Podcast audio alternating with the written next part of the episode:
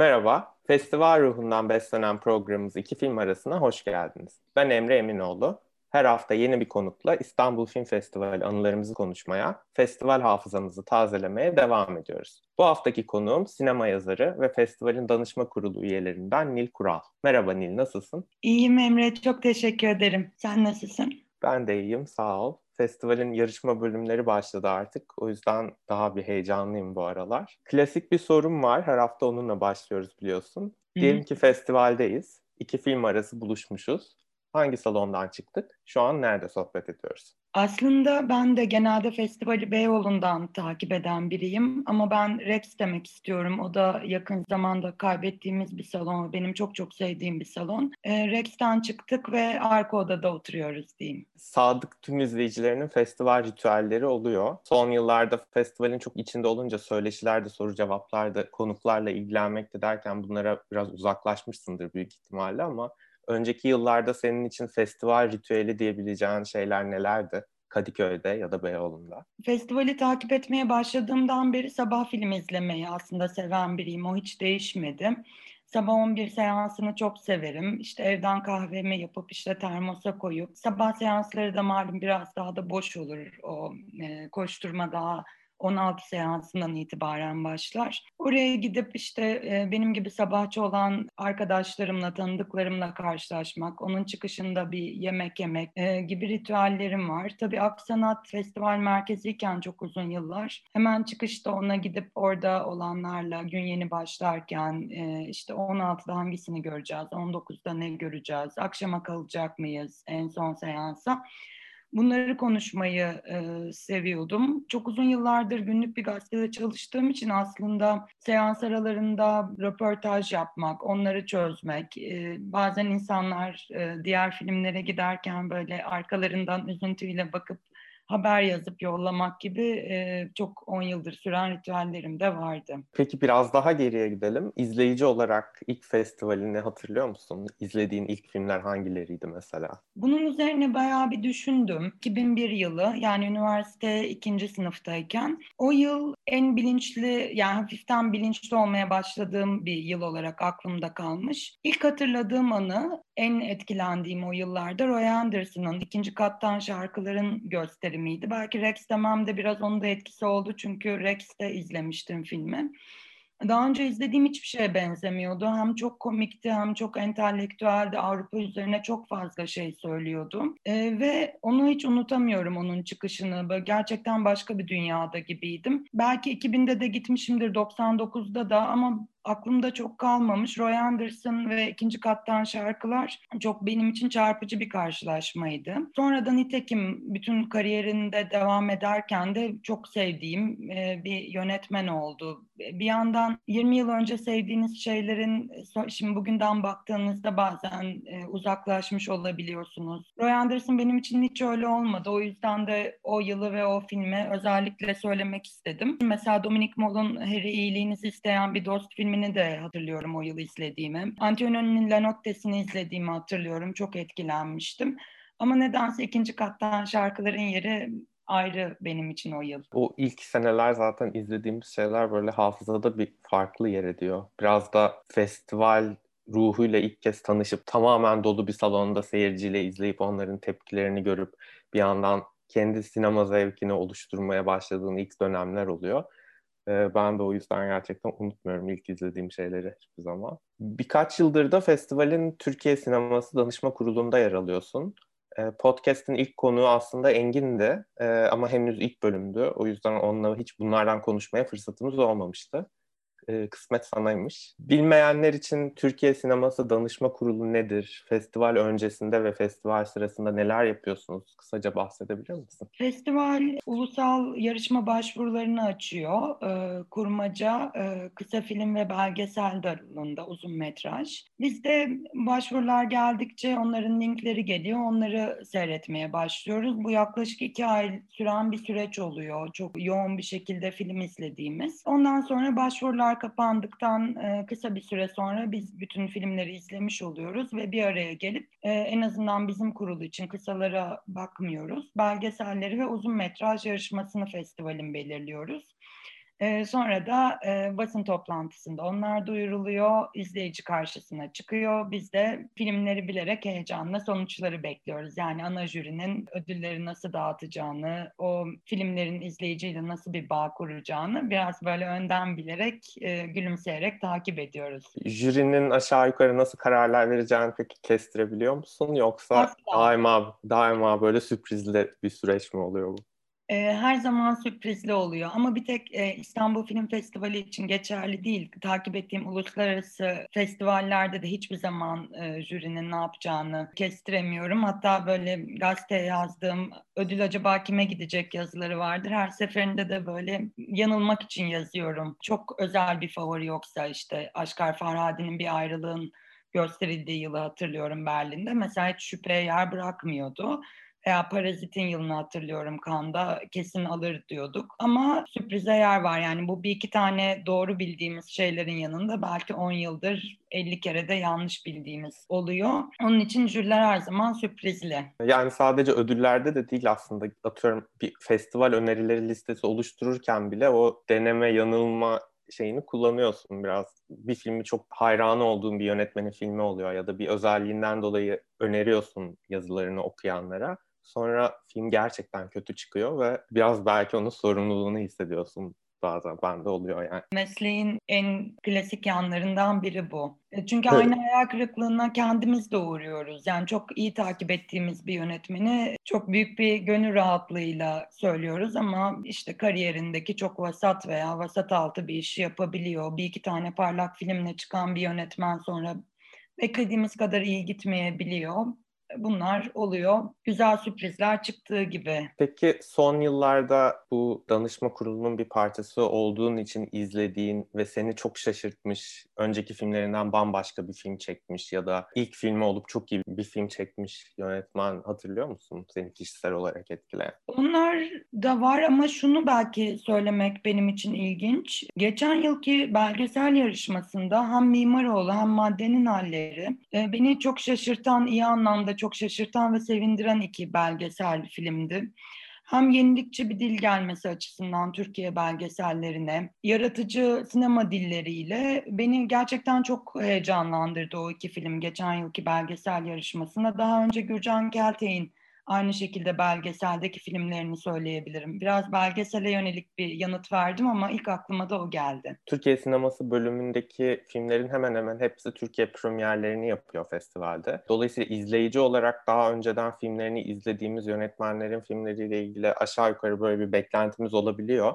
Ama yönetmeni tanımıyorsak ya da filmle ilgili ulusal ya da uluslararası başka bir festivalde gösterildiğinde bir yorum okumamışsak e, hiçbir şey bilmiyor oluyoruz aslında sizin aksinize. Böyle durumlarda elinde sadece kitapçıktaki ve web sitesindeki metin olan bir izleyici film seçerken nelere dikkat etmeli sence? 2016'da ilk e, danışman olduğum yıl katalog yazdım. Ondan sonra açıkçası çok vaktim olmadı. Dolayısıyla metinlerdeki şifreleri yapanlardan biri değilim. Ama ilk filmleri takip etmenin her zaman değerli olduğuna inanıyorum. Mutlaka zamana dair, Türkiye'nin olduğu iklime dair e, bir şeyler söylüyor filmler.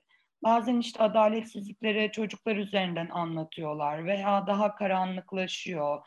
Veya mesela bu son yılda çok fazla aileye bakılıyor, aile üzerinden toplumla ilgili bir şey söylenmek isteniyor. Yani şifrelerin nedir bilmiyorum ama yeni neslin e, takip etmenin çok değerli olduğuna inanıyorum. E, biraz ilk filmlerden sonra ikinci filmler geldiğinde daha da çok seviniyoruz. Mesela Fikret Reyhan Sarı Sıcak'la yarışmadaydı, bir ilk filmdi ve böyle heyecan veren bir keşifti o yıl herkes için. Nitekim Altın Lale de aldı ulusal yarışmada o yıl.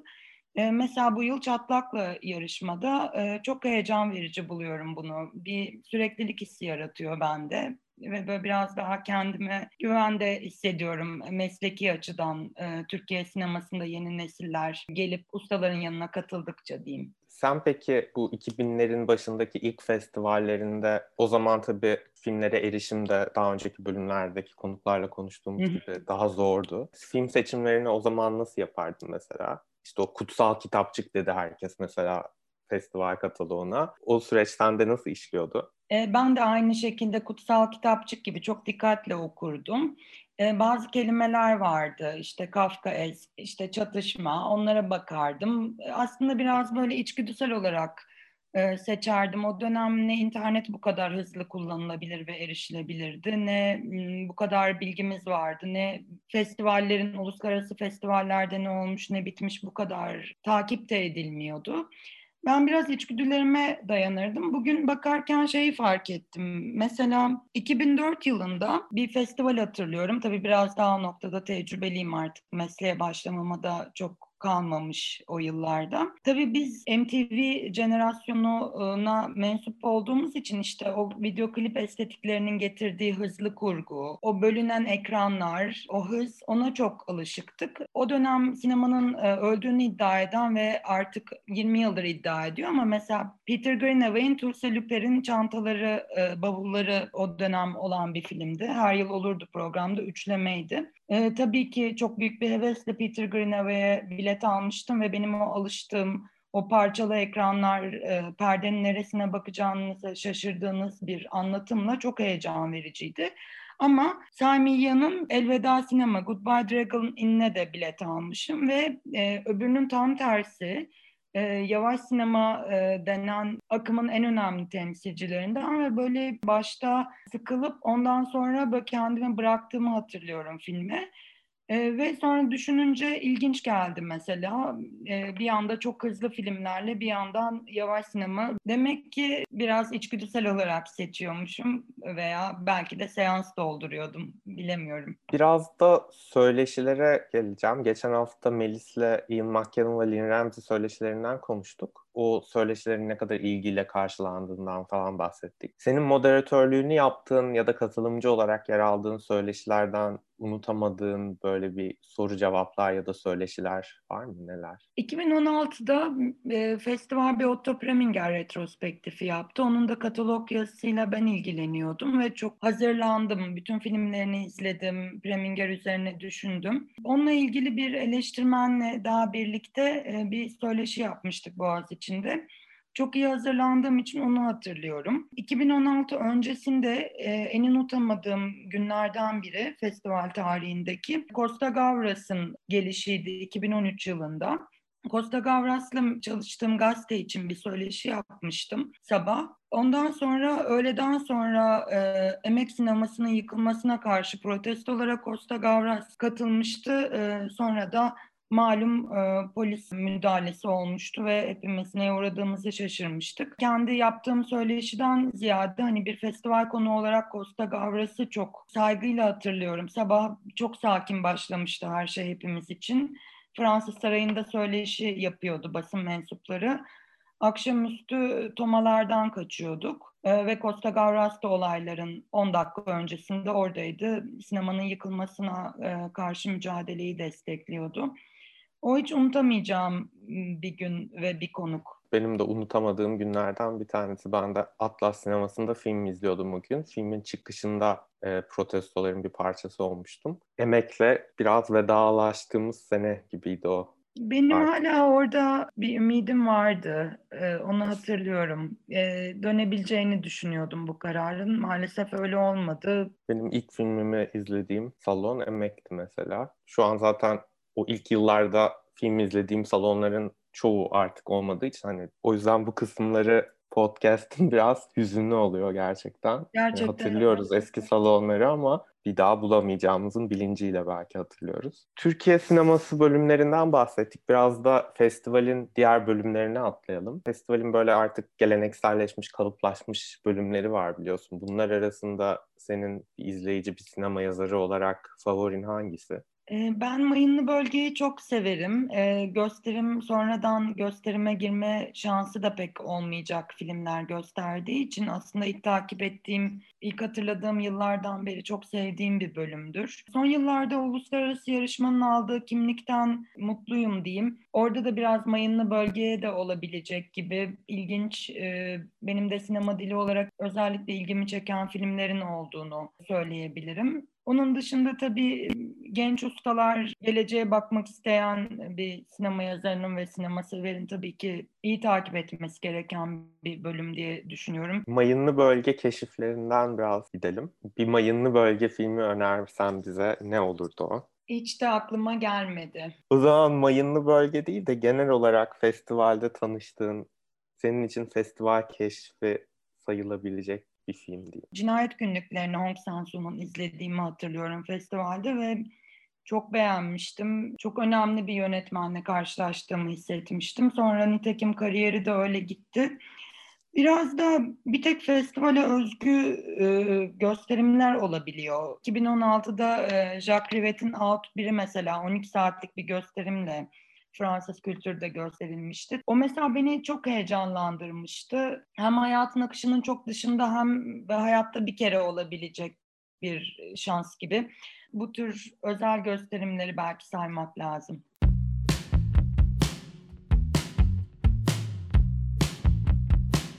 Sırada iki film arasının oyuncaklı yarısı var festival quizine geldik. Ee, önceki bölümleri ne kadar dinledim bilmiyorum ama quiz gözünü korkuttu mu biraz? Biraz baksam hatırlasam mı dedim. Ee, sonra dedim daha kötü olacak çünkü benim de çok iyi bir hafızam yok. Kaybetmek için e, çıkmanın aynı ödül tahminlerinde olduğu gibi uygun olduğuna karar verdim. Bekliyorum o yüzden.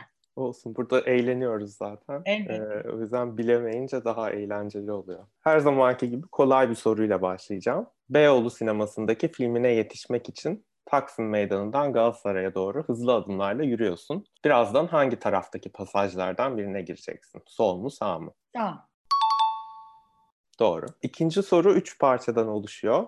2017'deki 36. İstanbul Film Festivali'ne gideceğiz seninle beraber. O yıl festivalde Fikret Reyhan'ın Sarı Sıcak filmi Altın Lale kazanmış. Jüri başkanının kim olduğunu hatırlıyor musun? Hiç hatırlamıyorum. Taylan biraderlermiş jüri başkanı. Salonda bir masterclass gibi bir şey de vermişlerdi. O söyleşiyi de hatırlıyorum.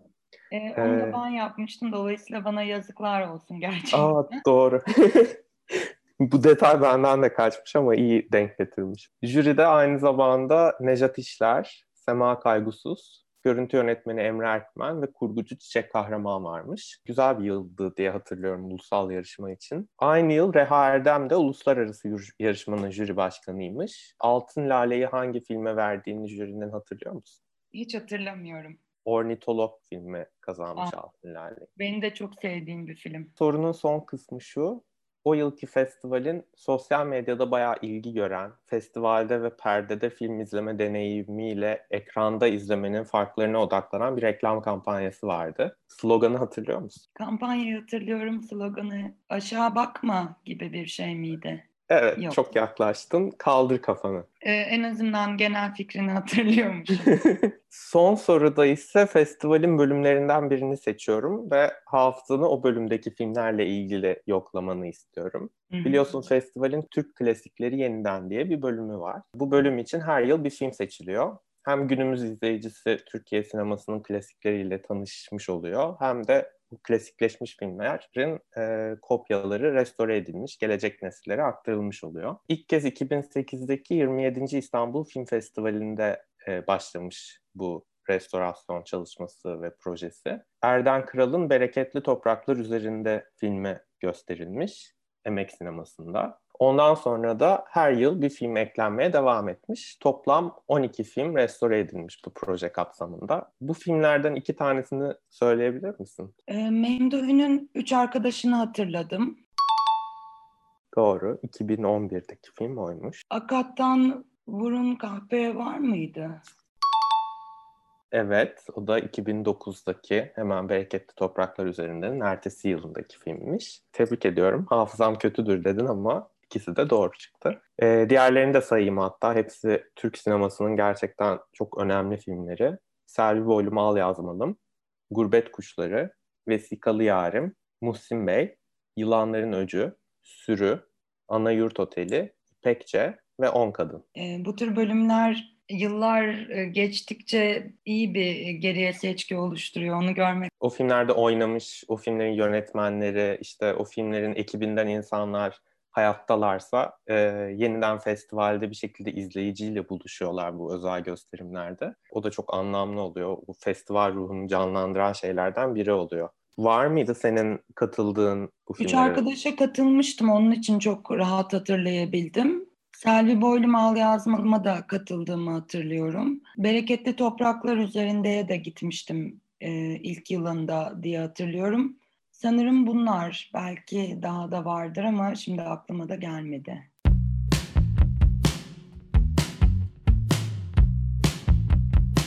O zaman son bölüme geldik. Jüri sensin. Bu bölümde seninle sohbetimiz sırasında adı geçen filmlerden beşini seçtim ve seni jüri başkanı yapıyorum. Tamam. Beş filmden bir tanesine altın lale vereceksin. Hı hı. Bir tanesine jüri özel ödülü vereceksin. Geri kalan üç filminde oyuncu kadrosundan ya da teknik ekibinden birine mansiyon verme hakkın var. Hazırsan filmleri sayıyorum. Ornitolog, Otto Preminger'in Anatomy of a Murder. Filmin adı geçmedi ama Otto Preminger'den bahsettik. Cinayet Günlükleri, Sarı Sıcak ve ikinci kattan şarkılar. Geçmiş e, günlerimin anısına buradaki belki en klasik film olmamasına rağmen ikinci kattan şarkılara altın lale vermek istiyorum. E, Otto Preminger'e jüri özel ödülü vermek uygun kaçmaz. E, onu çok büyük bir usta olduğu için ödülsüz gönderip Ornitolog'a jüri özel ödülü verelim. Cinayet günlüklerine de senaryo açısından belki takdir etmek ekipten diyorsak uygun olabilir diye düşünüyorum. O da muhtemelen Bong Joon-ho'nun kendisi olacaktır senarist. Güzel seçimler oldu. Ee, benim çok içime sindi. Preminger'e biraz haksızlık oldu ama zaten e, klasik bir yönetmen eminim darılmaz. Belki ona da bir onur ödülü uydururuz. Katıldığın için çok teşekkürler. Ee, ben güzel teşekkür ederim. oldu. İki film arasının bu bölümünde Nil Kural ile beraberdik. Haftaya yeni bir konukla festival anılarımızı konuşmaya devam edeceğiz. Hoşçakalın.